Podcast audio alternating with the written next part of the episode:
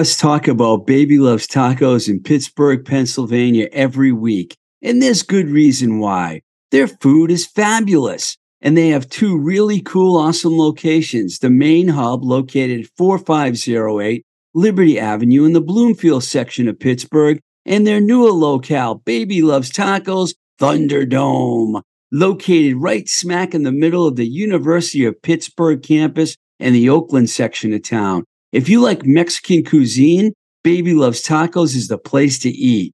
For daily updates on what's happening with the Baby Loves family, head over to Baby Loves Tacos Instagram page at Baby Loves Tacos. And if you're anywhere near Pittsburgh, stop by Baby Loves Tacos. Tell them Twisted Rico sent you.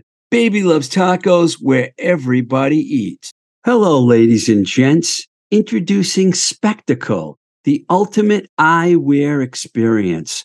Located in Boston's historic South End neighborhood, Spectacle offers four season style service at Red Roof Inn prices.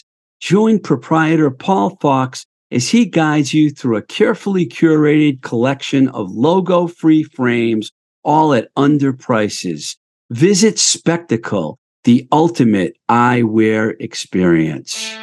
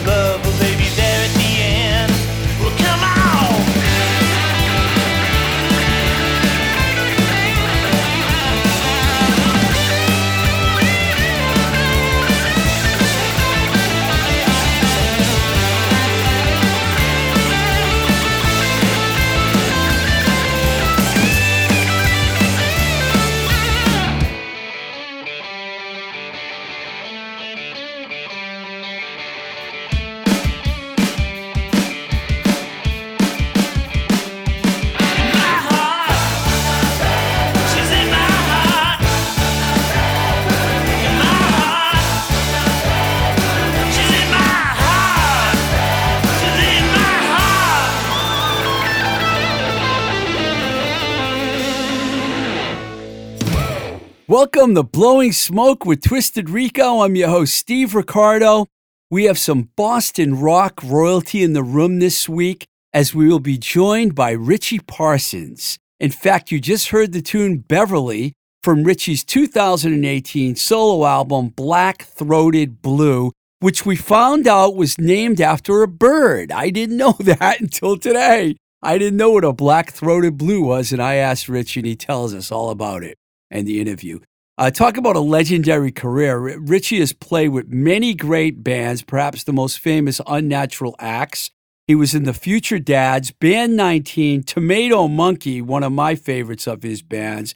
And as Rick Hart told us when he was on the show, one of his favorites as well. And he's still going at it. He released a couple of solo records. We get into all of that. So hold on to your seat. We're going to be playing that interview for you shortly. I, I don't know why I want to talk about this some more, probably because it's been such a painful part of my life lately that I figured I would talk about it.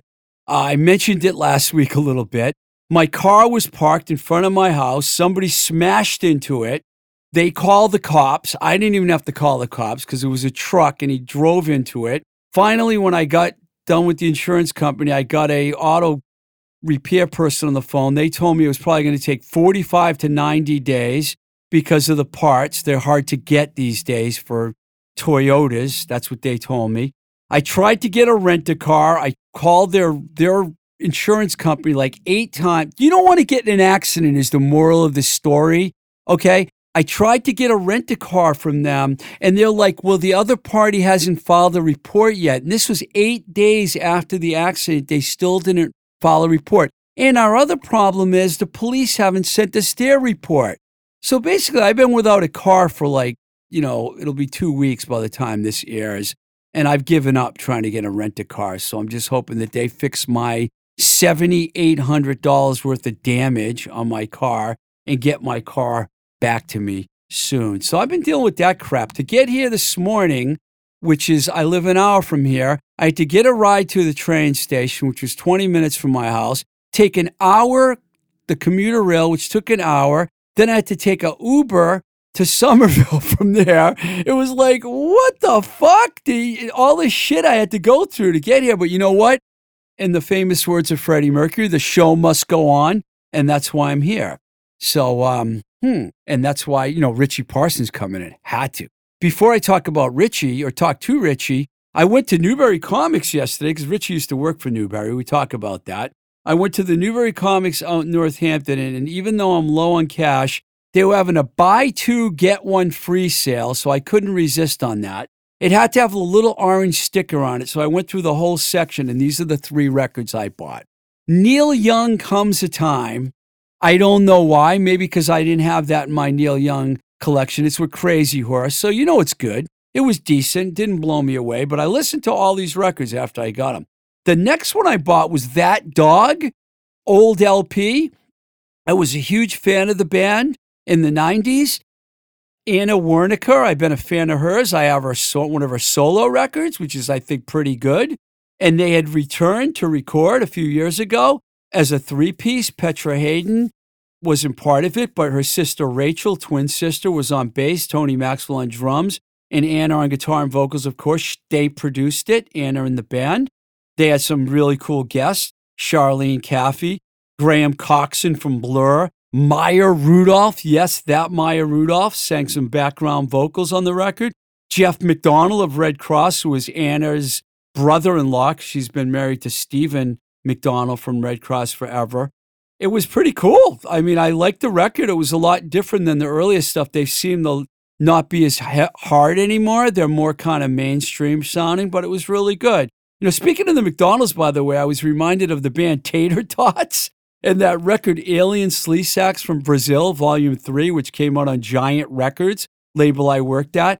Rest in peace, Bill Bartell, by the way, the man behind Gasatanka Records and White Flag and and and Tater Totz and all those bands. I don't know why, but I, I, I thought of that.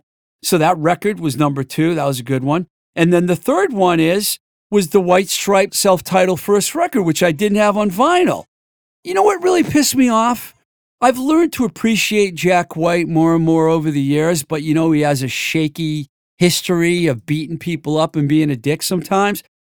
Ghetto Recorders is mentioned on the record, but there's no mention of Jim Diamond the guy who engineered the record and who had to sue the White Stripes because he didn't get a production credit. He lost the lawsuit, by the way. And I was a little upset that they didn't even give him a. His name wasn't even on the record. Ghetto Recorders, his name is on the record, but not Jim. And I worked with Jim. Jim's a good guy, you know. He produced one of the Charms records, did several Love Me Nots records, did a Go Go Girls record when I worked with them. And he's produced a lot of other great garage rock bands are all around the world. So I was a little disgruntled by that. So I bought three new records None of them completely blew me away. They were all pretty good. I'm just being honest here. But, you know, I have an addiction to vinyl. I couldn't not take advantage of the buy two and get one free. And that's the whole moral of the story. All right. Speaking of Newbury Comics, let's listen to an interview I just did with Richie Parsons. So, um, I tried. I wanted to get you to come down uh, after Jim Harold's passing. I know we talked and we couldn't work that out. So I wanted to start off by. I know you and him have had a long relationship and you became really good friends.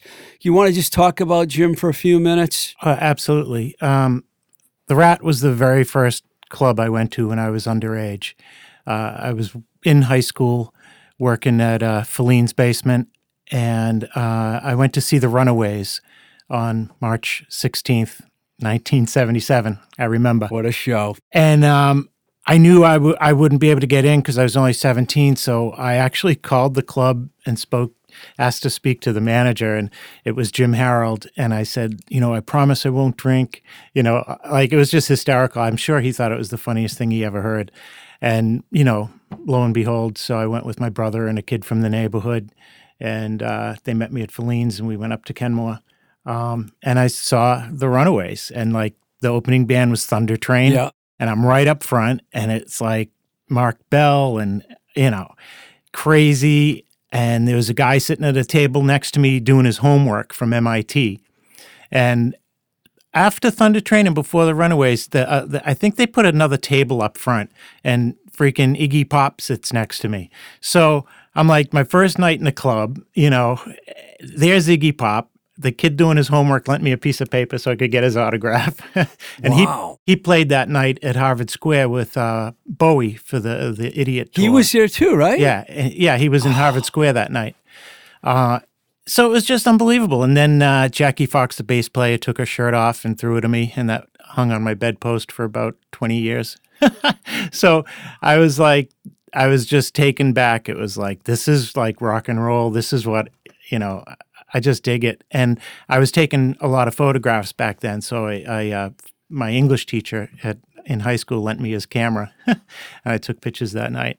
Well, you see, Mark Bell was, you know, he's he's been on my show and he talked about that too. You guys oh, yeah. are the only two guys I know that were actually at that show. Was there a lot of people at that show? Oh, it was packed. It was a couple of nights. Yeah. And so, you know, beyond that, the next time I went to the Rat, I think was for the Mark Thor benefit uh, which was 9 11 77, I believe.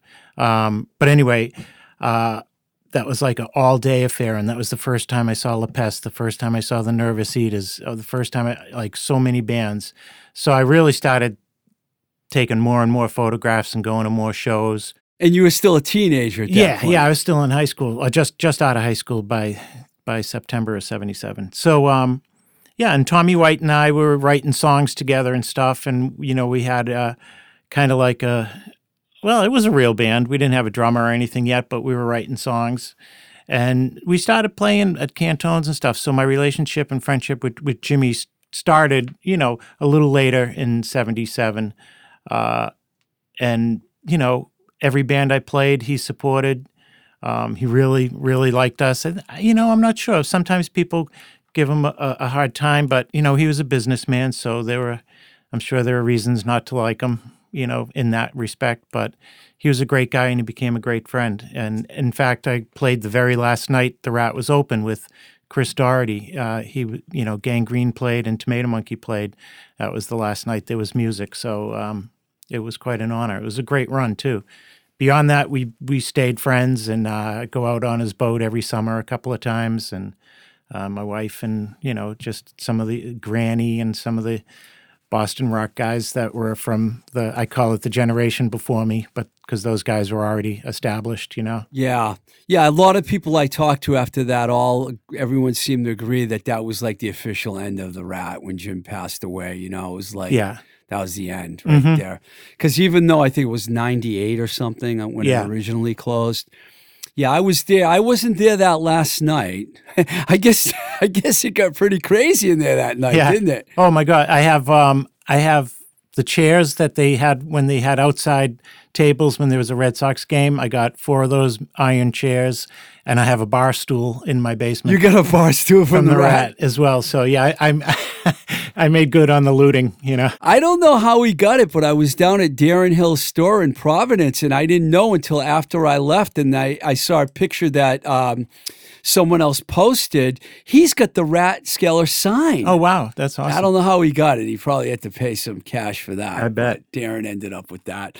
So, where did where did you grow up, Richie? What neighborhood, and when did you realize that music was important to you, and you wanted to start? You started listening and then playing. When did where did all that happen?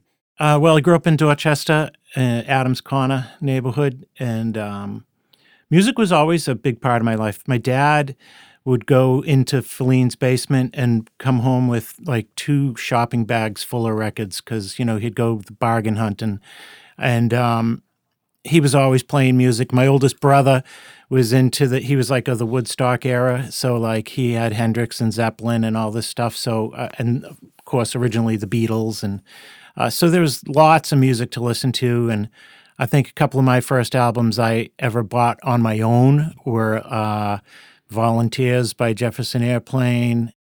Didn't you end up covering that? At, I did cover point? it, yeah, thought yeah. so. Linda Vians and I uh, Yeah. uh, sing it.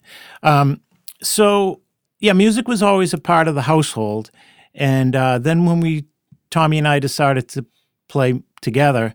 Um, my dad even co-wrote uh, "Three Chord Rock" by Unnatural Axe. He wrote. He we were sit- yeah, we were sitting in the kitchen working out the song, and my dad came in and asked what we were doing, and he just like put down the very next line. He wrote it for us. You know, Oh, that's fantastic. we generally play for just a few. If you don't like it, you can screw. so Unnatural Axe was the first band that was yeah, the very first. very band. first. Yeah. Wow. and uh, we met Frank, the bass player. He at um, like these community uh, lessons at Berklee. That um, Frank lived in JP, but he was going to these lessons, and we didn't. I mean, those guys probably learned something. I just waited for the end of the classes so we could go into the rehearsal rooms and just plug in and play loud. Um, then we turned my basement into uh, we called it the Rodent Club, uh, but that's where we rehearsed in in the basement. And uh, my dad used to say uh, uh, Rita Rat would come down to you know to sing and to scream. She screamed on Hitler's brains, and my my dad called her Yellin' Helen because he, uh, so that was when he decided he'd go down the street to the pub. Now that song became a pretty big hit around here, everywhere, really. I'm telling you, it's the, the if you look they at saved the Hitler's plays, brain. I'm yeah, talking about, of course. yeah, the plays all over the world are uh, amazing. You know, it got us. I mean, it got us to go to play in Italy in 2006 because people knew that stuff. All those years later, really? yeah, people knew Unnatural Axe. I'm like, it's crazy. Wow. So, um, how long was in Unnatural Axe around for? Was it a long run? Was it? Um, so 77 to 79, and then we kind of broke up and did our first reunion in 81. so, and we haven't, there hasn't been a year we haven't played since. So we kind of didn't break up, but you know, Yeah. So you do a lot of reunion shows. Yeah, like, yeah. nonstop. The Future Dads uh, was your next band, I believe. Yep. And Lee Harrington was in that band with you. Absolutely. How did that all come together? Um, you know, I was the beginning of the Future Dads. We, uh, I think we auditioned a bunch of guitar players, and we finally met Fritz Erickson. Um, and my brother Moose was playing sax. Um, it was just kind of like it was when hardcore was really starting, and the acts were done. So I was trying to. I had more of a pop influence then, I think. Uh huh. I mean, I listen to Future Dads now. It's, it almost has some emo elements or something to it, but it was I was trying to be the least hardcore because that wasn't my scene. You know, Right. plenty of other people had that covered. Um, but Future Dads had a had a good run. We were like we were like the businessmen uh, part of it. We we made sure we played every weekend, and uh, you know we bought our own van with the money and stuff like that. Um, And all the guys in that band ended up playing in other bands and yeah, stuff, right? Fritz played with uh, Gang Green. You Band know, 19. Band 19 Yeah. with me. Uh, uh, Rich Kerr kept playing as well. And uh, of course, Lee joined the neighborhoods. So, uh, yeah, it was a it was a fun band. When you say you played every weekend, what were some of the venues that you were playing at back? This is like the early 80s we're Yeah. talking, right? Yeah. So, I mean, we played like we played Boston College, we played at uh, BU, we played all the rock clubs, and there was way more rock clubs around. Uh, you know, New Hampshire and Geno's in Maine and stuff like that. But uh, the ne- I'm, I'm sorry, uh, Future Dads never ventured beyond New England, though. You know, Natural Acts had had a few gigs in New York, and of course, long after we broke up, we played out in Chicago too. But Future Dads kind of were, were homebodies. And and uh, I'm trying to keep this moving with the bands. So Band so 19 many- would be I- next. I really liked Band 19 a lot. I thought that band was like one of your. It's not my favorite band of yours. We're getting to that one, but you know, Band 19 was like you guys had a really good buzz going around. Yeah, that was the rock band for sure. Uh, that was all about uh, Mike Collins drumming and Ed Reamer's bass playing and Fritz just like being the guitar guy. And that's funny because all the hardcore kids loved Fritz, you know, and it it, it kind of was the right time to be a little more rock, but we still had a, a real good pop sensibility, I'd say. Yeah, definitely. And did you now with Band 19? What label was Band 19 on? Modern Method, the yeah, uh, Modern Method. the Newbury Comics guys. Yeah, because uh, Future Dads had a track on one of the Wicked Cool Time Yeah. records, so so you had a good relationship with. Yeah. Oh, of course you did. Did you? you worked for Newbury Comics? yeah, 33 years. The same guys, Modern Method. yeah. So did you start working there when you were really young? Uh, let's see, 80, um, two, uh, well, 33, 2017 minus 33. However that Oh, worked. I, I- 84. I failed I all my math courses. But, um, uh, yeah, I, I was in um, Future Dads when I started there, and then they ended up putting out the band. so 19s. Mike knew you were in a band, and he just Oh, yeah. I mean, stuff. It was it was different when yeah, Yeah. it was different when everybody in the company was under 30 years old. I mean, that's amazing. It was crazy and it was fun. Um, and he was wicked good to us. You know, he we I could use the van if I needed the van for something and and he was a big fan. He'd come to the shows and stuff. So, yeah, besides the uh, Newbury Comics empire, uh, they were really really good to local bands. Now, um, when at that time, I know a lot of people in bands ended up working at Newbury Comics. Oh, yeah. I mean, it's probably a long list. Do you guys ever get together and have like reunions? I mean, Mark McKay was on the show already, and he used to work for Newbury Yeah, Comics. we were. I worked with Marky. Yeah, it was awesome. And just before me, Amy Aimee Mann was at Newbury Street, and uh, Dave Smalley. Uh, he was. Uh, he was- wow, I he didn't was know the- Dave worked at Newbury. yeah, he was the comic guy. Uh, there's yeah, my gosh, quite a list, and um, more so in the in the '90s though. That's when my, my Newbury Comics, when I was in Braintree, that was a crew. I mean, those guys were crazy. That was we had a lot of interactions with you back then as well. Yeah, so how many different Newbury? I didn't mean to turn this into a Newbury Comics thing, but it's unavoidable. Uh, how many different Newbury locations did you work at? Uh, whew. Newbury Street, Harvard Square, Braintree, North Attleboro, Providence, And and uh, Braintree. Yeah, and Braintree and uh, Kingston. Yeah, so I worked at a bunch. I was going to bring this up at the. I was going to bring this up later, but I might as well bring it up now. I mean, I know you must remember this. Uh, you were a fan of Lucia from the Ah. band Drill. Lucia Cifarelli. right, When I was at A and M, and I brought her down to your store. Yeah. That made you very happy. Oh, made everybody happy. Everyone got their picture taken with her. She was wicked nice. I actually became friends with her for about four or five years after that. Um, yeah, she's awesome. There's a picture of her and I together. You might have even have taken that photo when she's Oh, yeah. licking my face. Yeah, she was a real trip, man. Yeah. Yeah, your store was a really good store down there in Braintree for sure. Yeah, the Braintree crew was the best for sure. So, Band 19, how long were you guys together? And Um, yeah, we gave it a few years, I think th- three maybe. Um, you know, and then Fritz got, you know, some other offers. We kind of, you know, it ran its course. There was nothing ugly about us breaking up or anything, you know. were you always like, like, just the band thing? Was it kind of always on the side for you, or did you want to make it your main thing, but you just couldn't get it that far at that time? I mean, where was you, what was your mindset? Um, the world's worst businessman is number one. Uh, number two, I always was a little more practical and felt like I had to have a balance. That the reason why, you know, we weren't going after the deal. Basically, we were just playing to playing to play, and that kind of takes some pressure off. You know, Yeah. um, yeah, that's that's just it, really. You know, world's worst businessman. It's really hard to say, well, which one of these bands do you think was the better band? Because I'm sure you loved all the bands the same. Oh yeah, But before we, the next band that I wanted to bring up was Tomato Monkey, and you kind of did get signed Yeah. because Rick Hart is like a really great guy to work Oh, with. When absolutely. he came on my show, he said Tomato Monkey was one of his favorite bands. Come Down, I've played on the show. That's one Uh-huh. of my favorite songs, period.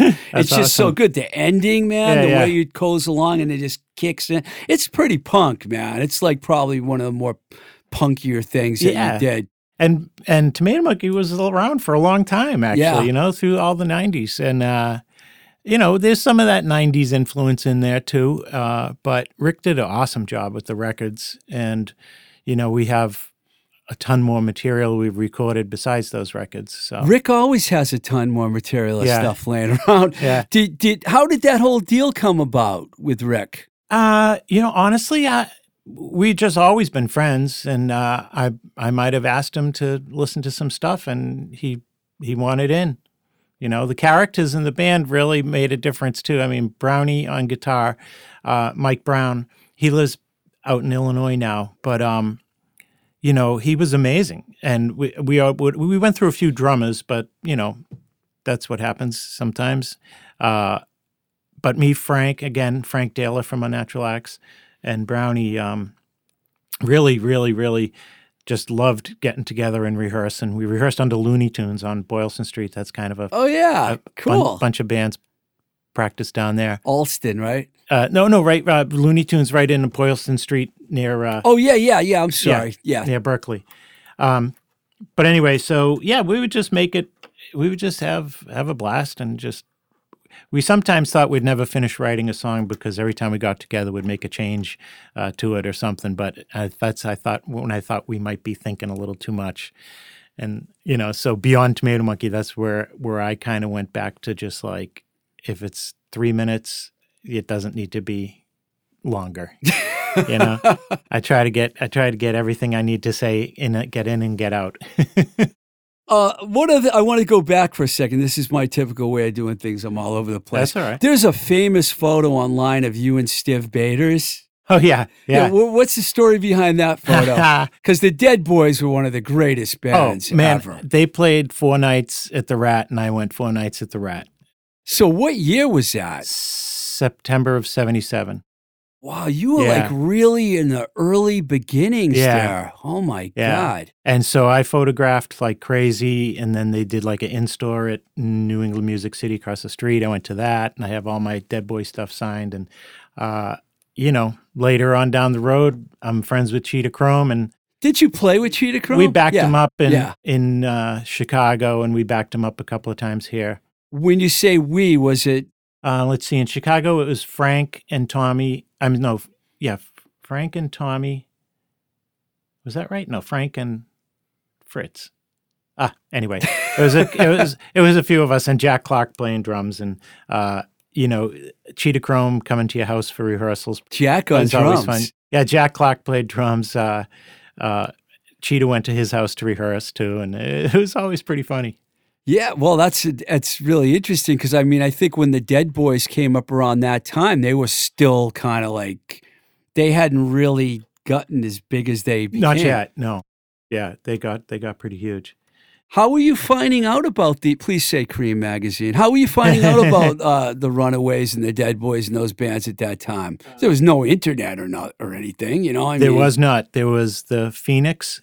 There was Oedipus on WUMB on the Demi Monde in the afternoons on Saturdays, which I, I listen to religiously, and uh, Creem magazine. Of course, I have all my early Creem magazines. I try and get uh, you know Lester Bangs' his name on my show as often as I can, being one of my favorite writers of all time. Were there any other bands besides like the Dead Boys and the Runaways that you saw at the uh, in the early days in the late seventies? Uh, at the Rat, know, the Nuns, the Stranglers. Um, there was uh, the Diodes from Canada. They were awesome. So you were like full on devoted to the music scene when you were a teenager. Oh yeah, yeah. When I was working in Filene's basement, I met this woman, Denise Donahue. She worked down there.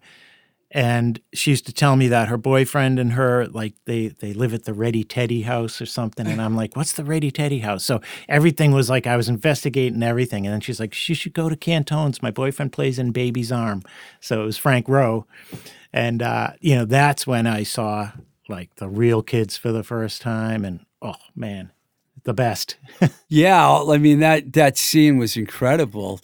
So, um, you it's really funny how you keep saying how what do you call it? Because I always call it oh, Filene's. Oh, fi- oh, Filene's. Filene's is upstairs, and, and, people refer to Filene's basement. At, okay, how come I never knew that? I, I know it's a Boston thing. I think it's. oh, that's great, man. So, um, I know you you went to a lot of shows at the Rat. Did you go the and you mentioned Cantone's? Were there other venues that you used to like back then? Because I know there were a lot more around. Oh, town. sure, Paradise, uh, the the, um, the Space, which was down near Cantone's. Um, yeah, there was just so many places. I didn't venture into Cambridge much back then. I don't know why. I mean, maybe it was probably pre Middle East, and uh, obviously, but um, you know, maybe Jonathan Swift's, you know, but that was like getting into the 80s now. Going back ahead here to Tomato Monkey, did you like take a break at all for a while after that? Because I know you put two solo records out in 2014 and 18, but there right. seems to be like some time in between I did. there. Uh, 2006, in the MySpace era, my daughter made me an Unnatural Axe page. And that's when I said to my wife, I go, it seems like people in Italy like Unnatural Axe, you know? then this woman messages me, Do you want to play a festival?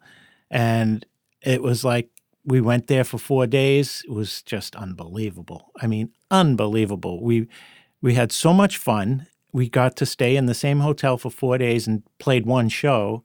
And then we, for a friend who had the record store nearby, we played in his record store too, um, kind of unplugged or whatever. But um, made so many friends uh, lifelong friends. And that Christmas, I got my wife gave me a, a, recorder, and I just started writing. And I started writing with my friends in Italy, and I started writing about my friends in Italy. You know, it was it just really got me going again. And up until that point, I never really played guitar in my house. It was like you go to the rehearsal space to right. go play guitar. But this changed everything. And a lot of the songs from Honey and Tears come from uh, that time, um, you know, a few years earlier and um, it's uh, yeah, it, it's just sparked a whole new thing. And their and the, the my friends in Italy, their their music knowledge of American power pop, which I wasn't an aficionado, but they sure were. And so it opened up my ears to all this new kind of music, and we started writing stuff together, and uh, it's it's been awesome.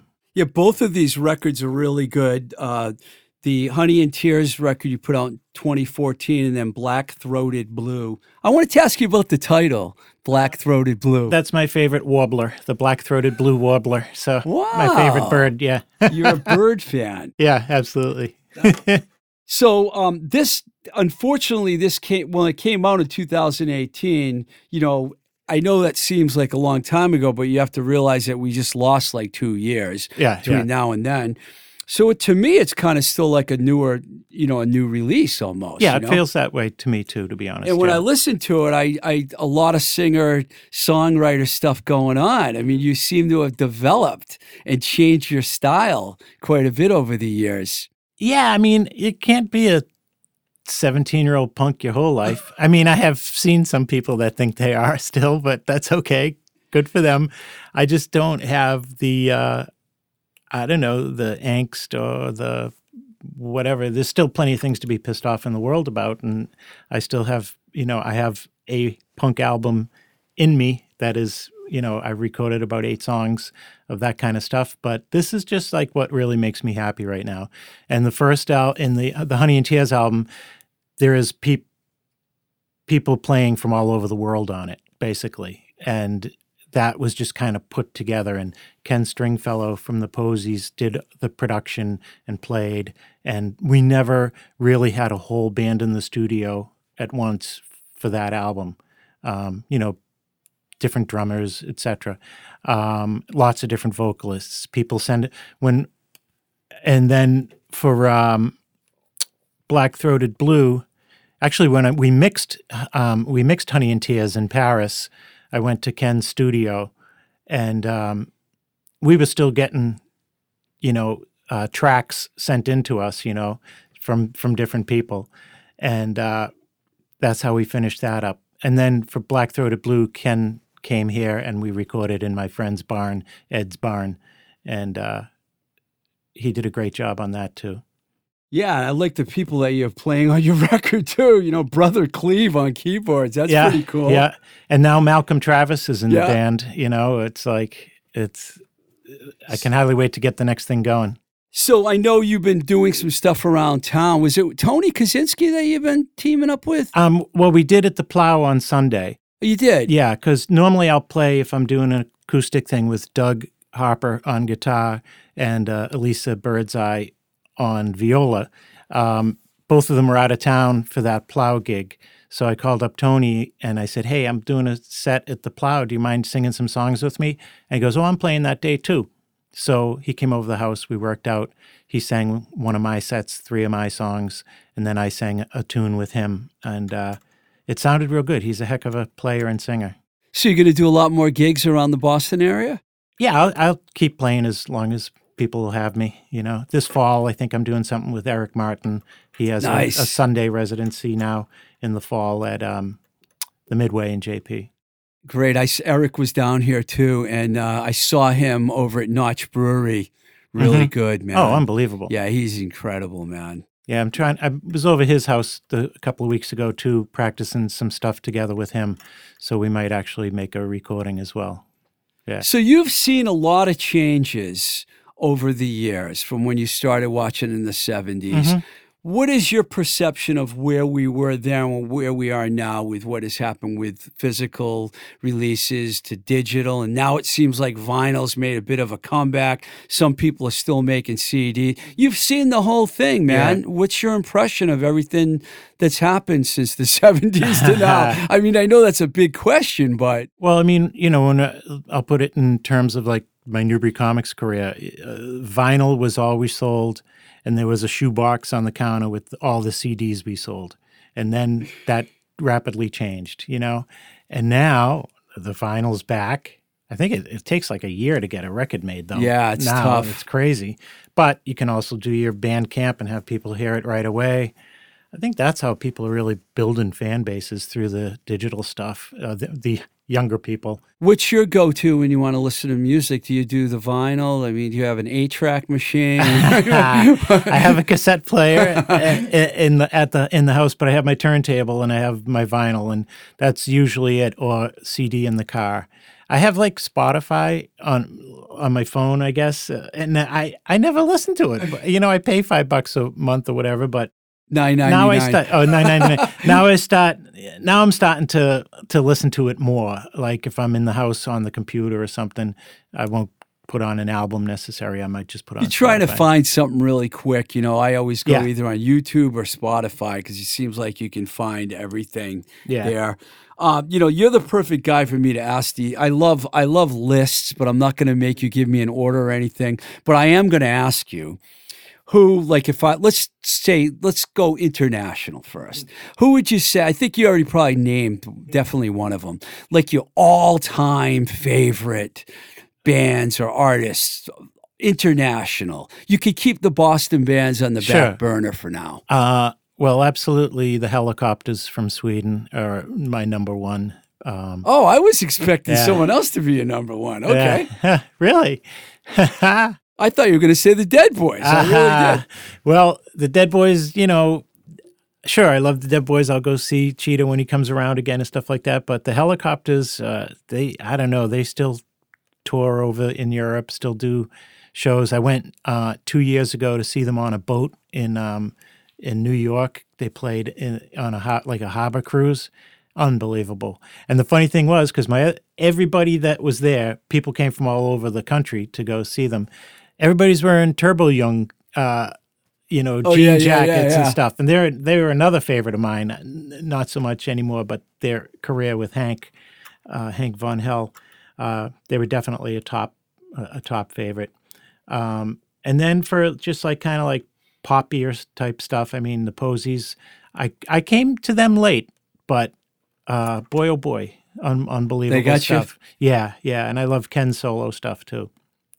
Um, And then you get to work with them. That's cool. yeah, right. That was even even more fun. Yeah. Um, but you know, those are kind of the top uh, out there bands. I'm sure I'll think of a couple more when I start talking about the Boston bands. But Yeah, I'm very excited to hear uh, your your favorite Boston bands of all time because you go all the way back to the '70s with the Real Kids and and DMZ and all those bands, all the way up to like, you know, we've seen. s- Let's face it, Boston's you know definitely one of the top music cities in the world. You know, so I mean, saying who your favorite Boston band Right. is is like a really Well, difficult. yeah, but it's also like an age thing. You know, if you ask somebody that was half my age, it would, you know, it might be wh- whoever, Juliana Hatfield or something. But you know, since I was around, it's definitely absolutely number one and two real kids, nervous eaters, uh, and that's flip floppable. Can you believe the Nervous Eaters are still out there making new records? And, and it's the best looking lineup yet. Brad Brad Helene was down here not too long ago. He's looking pretty suave. yep, they're a good looking bunch. But uh, yeah, I mean, they're absolutely all all time favorites. Um, and then uh, you know, La Peste, and th- then there's like my era. Did you, know? see La Peste a lot? Oh yeah, oh, Oh, you're lot. lucky, man. I never saw Yeah. them. Were you ha- were you there when the when La Peste and the neighborhoods played that historic finals at the Rat? I was at a barbecue that afternoon and decided I didn't want to go. Oh, But but this week I found a cassette of the Hood set in my in my house, so I'm like, oh, I have to give that a listen. nice. Oh, I would have just be able to love to turn the clock back and be at that show. Oh yeah, the whole that whole that whole rumble was unbelievable. You know, the the, the four finalists I think were um, Unnatural Axe, Thrills, La Peste. You were in the finals that year? The, the semifinals. So Nice. those guys were in the. I'm sorry I didn't know. I'm sorry I didn't Oh, mention that. That's all right. Um, but anyway, yeah, my those that's my top two favorite Boston bands, and then of- of my era, as I said, you know, La Peste and the Girls, uh, Thrills. There's you know, lots of, and they were all friends too, so that's how that kind of comes about. You go see your friends play. Um, supposedly, you go see your friends play. I don't know if that's Is true. there a specific record that sticks out when you think about all these Boston bands? Like one specific record? Um, I'd say that early on the Live at the Rat album was like Oh, turned me yeah. on to a ton of bands. Um, and again, like Willie Loco and the the Inflictors, absolutely the most underrated, best Early Ace of Hearts yeah, band. Yeah. unbelievable. Um, they were almost like sinister sometimes, but they they were like so good. Um, and then beyond that, like the Hoods. So of course, the Neighborhoods' Prettiest Girl single, just uh, unbelievable. Anything they did or David does, uh, I love. So. Um, uh, let's see, and then the younger bands, you know, the Gang Green and uh, the Gang Green and uh, Jerry's Kids and those guys, DYS. so the so the hardcore bands did eventually get your your attention. Yeah, you know, and the thing is, I think Gang Green were not as hardcore as like the super fast stuff. They're a little more rock, you know. That's kind of probably why I, you know, clammed onto them. Yeah, another wasted night definitely slowed down a little Yeah. from This Is Boston, Not L.A. no exactly doubt. right. Yeah. I imagine you're probably good friends with Chris Doherty. Oh, yeah. He's from Brain Braintree, right? Yeah. We talk. I talked to him just a couple weeks ago. Yeah. Do you live down in the South Shore in the Boston area? Yep. I live in Quincy now. Quincy. Yeah, Quincy, so not too far from Dorchester. So you know, I always say I'm I'm in Quincy for now. Did you have something to do with surfing in Dorchester Bay, the Uh, song? yeah, I, I know sure you did. I know you did. What's this, what's the story behind that? Uh, that was actually at the tail end of Unnatural Axe. Uh, Frank and I wrote that song. So, um, and then when the Axe broke up, uh, I asked Howie Ferguson to play drums. Great drummer. Mono Man plays keyboards, and Ralph Vitello plays guitar. So. Um, it's a pretty good lineup in and of itself. Howie always says it's one of the favorite things he ever recorded. Um, but that's a fun single, you know. Still gets a Oh lot of yeah, oh yeah. lo- uh, you know, when I go to the Erie pub in Dorchester, I'll someone will mention it. I'm sure of it, man. It's like one of those legendary Boston tracks that always seems to come up. Well, hey, man, thank you very much for taking the time to come down here to Voice Motel, talk to us, and I'm just I'm honored that you're here because you're you're a legend, as far as I'm concerned, as far as the Boston music oh, thank you, Steve. That's also awful nice. And uh, I wish you the best of luck and keep on writing and keep putting records out because these solo records you did are fantastic, man. Sorry I'm a little late uh, to the game here, but you know, I mean, it's like I I'm sure- appreciate it. I can't wait for the next one. All right. Thanks a lot, man. Thanks, Steve.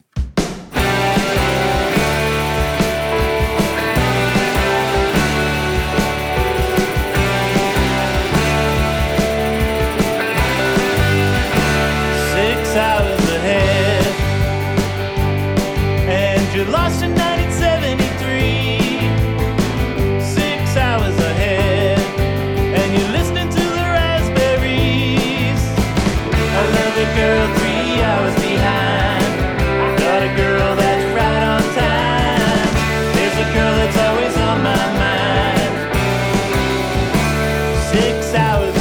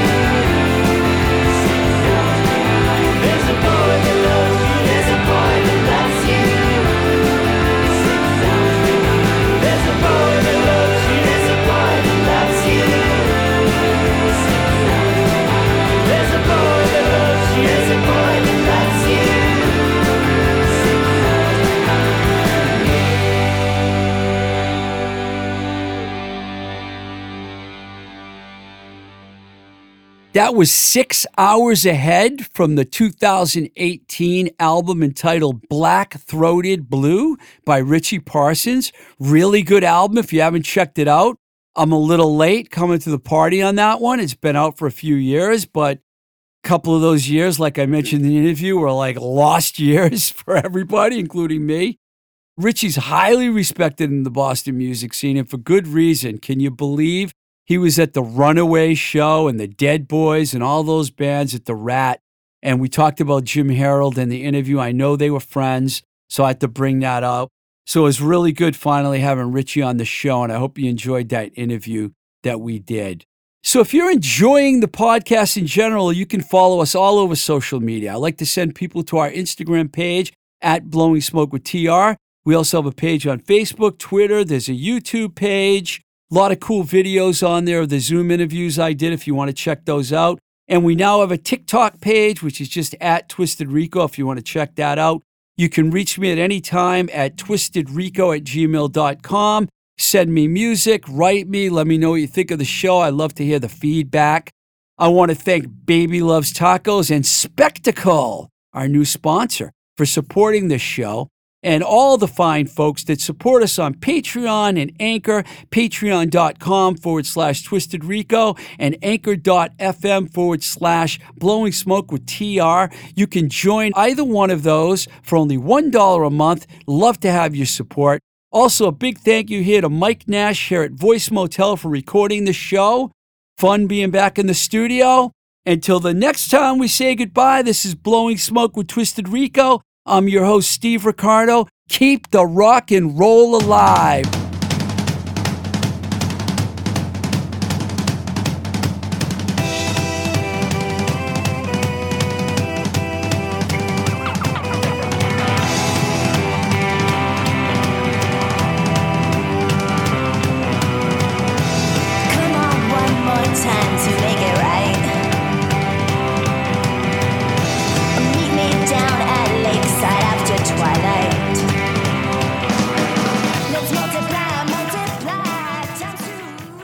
Voice is recorded at Voice Motel, voicemotel.com, your complete podcast recording experience. Located in Union Square, Somerville, Massachusetts. They've saved Hitler's brain.